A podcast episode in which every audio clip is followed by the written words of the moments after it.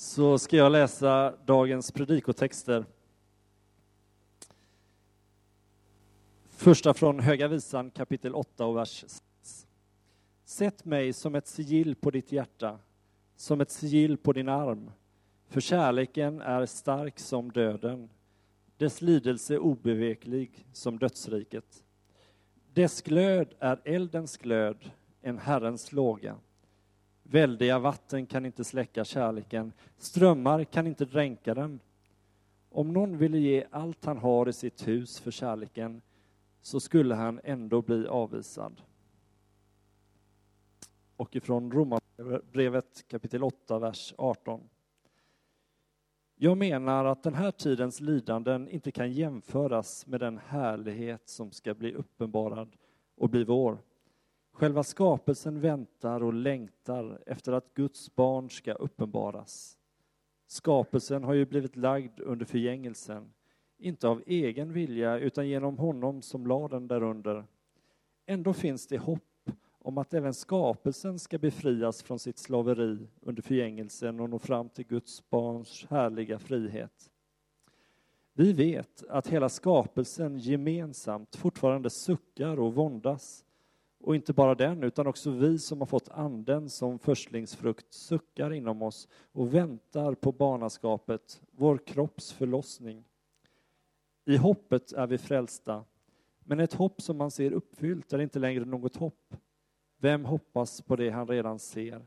Men om vi hoppas på det vi ser, så väntar vi uthålligt. Så lyder Herrens ord. Gud, vi tackar dig. Låt oss börja med, med en bön. Herre, du som är vacker och skön. Vi ber att vi idag ska få drabbas av din skönhet, Herre. Låta den få knocka våra hjärtan, så vi vill bara mer och mer följa dig utan reservationer, Herre. Herre, lär oss att det är endast du som kan uppfylla våra djupaste begär, i ditt namn ber vi. Amen. År 1977 så skickade NASA upp två obemannade rymdskepp, Voyage 1 och Voyage 2.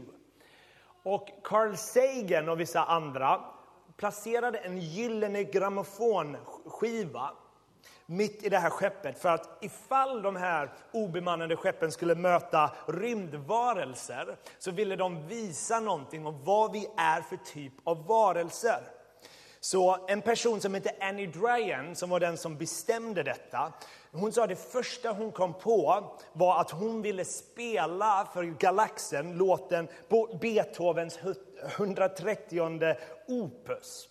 För när Beethoven skrev denna så skrev han i marginalen ett tyskt ord som är Känsucht. Nu får vi hjälp med tyskan där nere kanske. Nej, han är inte med. Känsucht, tror jag, betyder längtan. Annie ville kommunicera till all liv utanför jorden våran längtan. Det är nästan som att NASA försöker ropa ut i galaxen och säger vi är varelser som längtar och hungrar. Det är nästan som att de ställer frågan till galaxen, känner ni detta också? Känner ni det här ropet som finns i oss för mer? Har ni löst har ni uppfunnit någonting för att vi ska veta vad vi ska göra med det här ropet som ropar efter tillfredsställelse? Vi människor tror jag är komplicerade varelser. Vi tänker ofta att vi är de här rationella personerna som agerar efter den information vi har fått. Men ofta så är vi framförallt hungrande och längtande varelser. Vi agerar, vad vi, vi agerar efter vad vi längtar efter. Vi har en hunger, vi har en längtan. Och konstnär efter konstnär, sångare efter sångare sjunger om dessa begär, att vi är hungriga varelser. Vi vill ha tillfredsställelse. Bruce Springsteen sjunger välkänt om hungriga hjärtan, our hungry hearts. Och jag vill att du ska börja fundera på ett tillfälle då du en dag knockades av skönhet. En dag när skönhet genomborrade ditt hjärta. Det kanske var när du såg en solnedgång eller stjärnhimmel som knockade dig. Eller en konsert som fick dig att sväva. Eller blicken av personen du älskar mest. Jag vill att du ska fundera på det tillfälle du knockades av skönhet så det nästan gjorde ont. Och du inte visste riktigt vad man skulle göra med detta. Det är som att det går bortom tid och rum, molekyler och atomer. Jag tror den här upplevelsen att knockas av skönhet är en bra grej för oss kristna. Jag tror det är en universell upplevelse som varenda människa har. Men, men jag tror vi människor sällan vet vad vi ska göra med denna hunger och rop vi har. För jag tror att när vi knockas av skönhet med litet s så är det tänkt som nästan en skylt, någonting som pekar upp mot himmelen för att leda oss till skönhet med stort S. Som kan ta tag i oss och börja göra oss vackra inuti och ut. Denna hunger tror jag bara Gud kan tillfredsställa.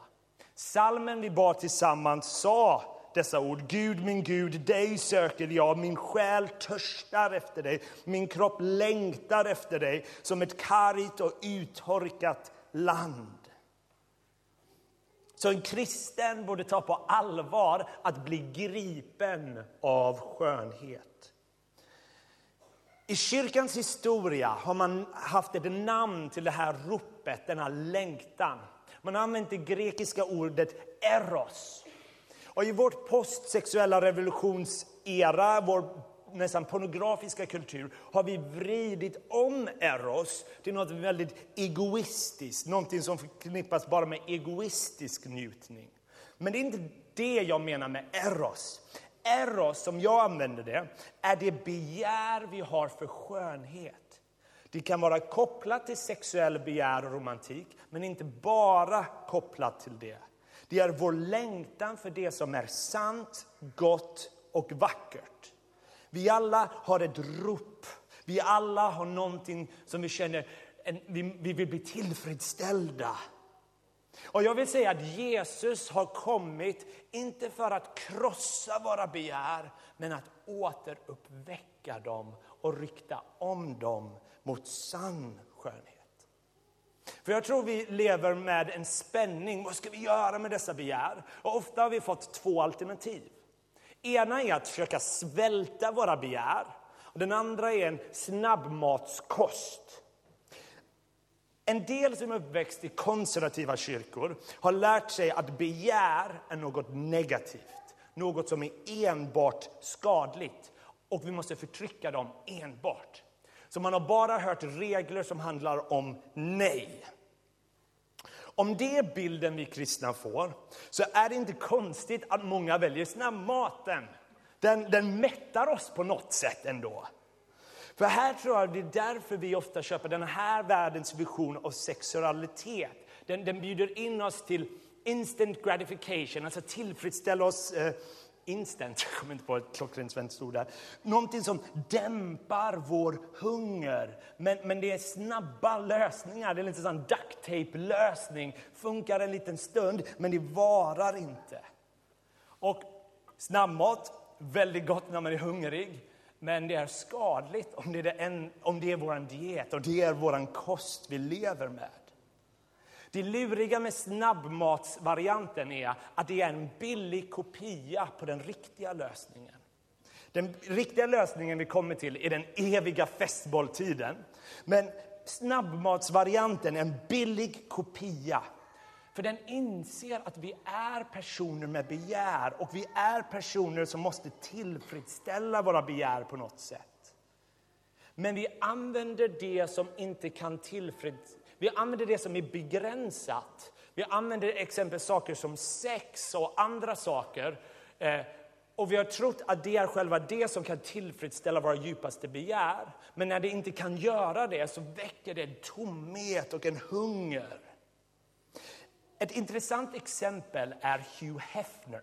Mannen som grundade Playboy, som på något sätt personifierar den sexuella revolutionen. Han presenterar sex som religion. Han sa att det värsta religion, alltså vanlig religion, kristendomen gjorde, det var att vi förtrycker våra begär. För att vara människor måste vi leva ut våra sexuella begär.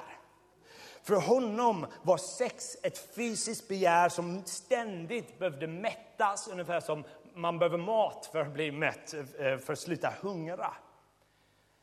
Men han var ovanligt ärlig. Han sa själv att kvinnor är sexobjekt. Det är därför vi har en till generation, säger han. Och det är fruktansvärt att läsa om vad han krävde eh, hans anställda eh, att göra med honom. Som på något sätt är logiken om man köper att sex är enbart för njutning och för våra fysiska behov, ungefär som vi behöver mat. Det leder väldigt enkelt till objektifiering. Och när man läser om Hefners barndom så förstår man att han hade ett tragiskt liv. Han var uppväxt i en familj som aldrig gav honom någon kram eller puss. Och han sa att han, det väckte ett hål, att han saknade och längtade efter kärlek. Och den första kvinnan han gifte sig med var otrogen. Och det krossade honom. Och han sa att det, när hon var otrogen valde han att göra det liv han valde att leva sen. Han grundade Playboy och skröt om att han hade sex med hundratals kvinnor. Man erkände att det var ett sätt för att skydda hans hjärta, för han sa safety in numbers. Men trots att han skröt om att han hade haft samlag med över tusen tjejer så sa han att han aldrig fann sin själfrände. Han var aldrig tillfredsställd. Och det är problemet. Han fattade aldrig vad sex handlade om. För om han hade gjort det så skulle han inse att han, den själsfrände han sökte efter var egentligen inte en kvinna. Ingen kvinna kan tillfredsställa det djupaste begär han hade. Och han skulle inse också att, att, att sexet som mål kommer aldrig kunna tillfredsställa. För sex var bara något, är någonting som vi pratade om i brunchen igår, som någonting som är tänkt att peka och eka på en vackrare verklighet. Gud som förenar sig med sitt folk. Men när man tror att sex är själva målet så kommer det leda till förkrossande resultat. Och Det är därför jag tror människan är så på ständig jakt efter kärlek och sex. För de är på jakt efter det som kan tillfredsställa, men det de inte vet om är att de egentligen är efter Gud. Det sägs att författaren G.K. Chesterton sa att varje man som bankar på en bordells dörr söker egentligen Gud. Han vet inte om det själv, man söker efter det som kan tillfredsställa. Det är ungefär nästan som ett missbruk, det här snabbmats... eh, kosten. För man vill ha mer av denna världen än vad denna världen kan ge. Det är vad Bibeln kallar jagandet efter vinden. Och C.S. Lewis, jag kommer läsa ett citat som kommer på skärmarna strax. C.S. Lewis insåg att problemet är inte att vi har för starka begär. Problemet är att de är för svaga. Så här sa C.S. Lewis. Nej, om vi betraktar de ogenererade löftena om belöningar som utlovas i evangelierna och vilka hisnande belöningar det är frågan om verkar det snarare som om Kristus upplever vår högsta önskningar, desires här på engelskan, som alltför blygsamma än som alltför överdrivna. Vi är halvhjärtade varelser som envist nöjer oss med drycker, sex och världslig framgång när vi erbjuds glädje utan gräns. Precis som ett okunnigt litet barn som vill fortsätta baka lerkakor i slummen för att det kan, inte kan föreställa sig vad ett erbjudande om en semester vid havet innebär. Vi nöjer oss med alldeles för litet. Sex är, är, är någonting vackert och gott när den är rätt riktad. Men när vi tror att det är målet så kommer det förkrossa oss. När vi tror att det är det som kan dämpa den största hungern så kommer den alltid leda till besvikelse. Så om svälta är fel lösning och snabbmat är fel lösning. Vad är rätt riktning? Jesus bjuder in oss till den eviga måltiden. I Johannes 4 så möter Jesus en samarisk kvinna. Det här är en fascinerande eh, eh, berättelse. För den här kvinnan har blivit förkastad av, eh, av judarna, hon har blivit förkastad av sitt egna folk. Hon är förkastad av män på grund av att hon har en suspekt sexuell historia. Hon har varit gift med fem män och lever med en man som inte är hennes. Oavsett om hon är offret eller en förövare, det vet vi inte. Men hon var en brösten människa. Hon vandrade själv mitt på dagen när det är varmt och möter universums skapare som står där och vill tala med henne. Och Jesus erbjuder henne det bästa erbjudandet. Han säger i Johannes 4, vers 14. Den som dricker av det vatten jag ger honom ska aldrig någonsin törsta. Det vatten jag ger blir en källa i honom med vatten som flödar fram till evigt liv. Det är som att Jesus säger, du har letat och letat och letat efter det som kan tillfredsställa dig. Du trodde det var män, du trodde att det du behövde var den perfekta mannen som kunde hålla om dig, den perfekta romantiska relationen. Allt sånt kan vara vackert, men det kan egentligen inte tillfredsställa ditt djupaste begär. Han vill rikta hennes begär mot evigheten.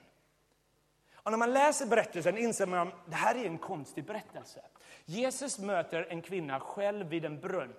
Och alla som har läst i Gamla Testamentet börjar kanske tänka, hmm, det händer väldigt ofta märkliga grejer när en man träffar en kvinna vid en brunn. Det verkar vara det klassiska judiska boy meets girl-stället. Det är där Jakob träffar sin, precis vid samma brunn som Jesus är. Moses träffar sin hustru på samma sätt. Vad försöker berättelsen signalera? Jesus har kommit för att fria. Inte bara för henne, men för mänskligheten. Jesus har kommit för att vara den perfekta älskaren. Vi såg igår att äktenskap, när den är som bäst, är som ett eko, en skugga av det verkliga äktenskapet. Guds passionerade kärlek till oss. Hela Bibeln är, är, är, är berättad från början till slut med berättelser om bröllop. Det börjar med Adam och Eva, men det slutar med Lammet, Jesus Kristus och hans brud. Och Det är som att Jesus säger till denna kvinnan som har försökt hitta kärlek. Det är som att han säger till henne, jag är den enda som kan tillfredsställa dina djupaste behov. Jag är den enda som kan släcka din andliga uttorka. Jag är den enda som kan mätta din, din andliga hunger. Det är, ni, ni skickar, det är ni till mig ni skickar upp raketer till rymden och säger, har ni hittat lösningen för våra begär? Och Jesus säger, jag är lösningen. Jesus är den ultimata älskaren. Och han har kommit för att rikta om våra begär. Och därför tror jag vi bjuds in att leva i en spänning mellan två världar. För jag tror Gud bjuder in oss att börja rikta om våra begär i linje med hans design och hans mönster för den här världen. Att sättet vi hanterar våra förvirrade begär idag är att börja följa och rikta om våra begär i linje med hans design för oss. Och då måste vi acceptera dessa två världar vi lever i. Och jag vill ta två Paulus-texter. Första är första Korintierbrevet 6. Paulus har precis nämnt ett gäng sexuella synder, andra typer av synder. Och sen säger han detta som jag tror kommer på skärmarna. Sådana har några av er varit, men ni har tvättats rena, ni har blivit helgade, ni har förklarats rättfärdiga i Herren Jesu Kristi namn och vår Guds ande. Alltså Paulus vill säga att vi är inte vår sexuella historia. Vi är inte våra sexuella trauman, för vi har fått ett nytt namn.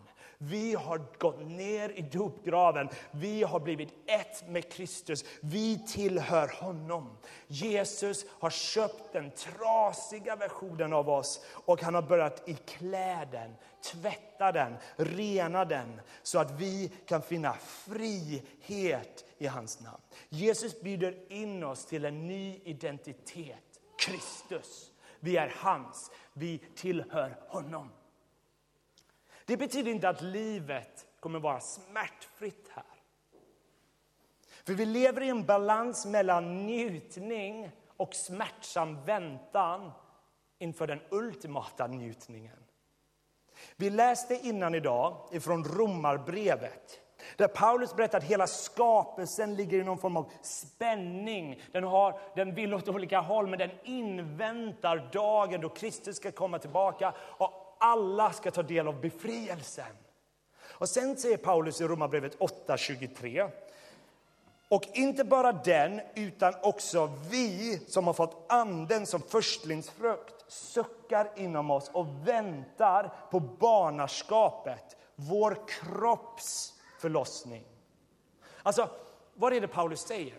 Han bjuder in oss att leva i en spänning av att vi är hans, vi är döpta i hans namn, vi har fått Guds heliga ande inom oss, vi har fått en garanti för det kommande livet, vi får redan nu ta del av det goda livet. Men vi lever fortfarande med en hunger, en väntan, med ouppfyllda begär och önskningar.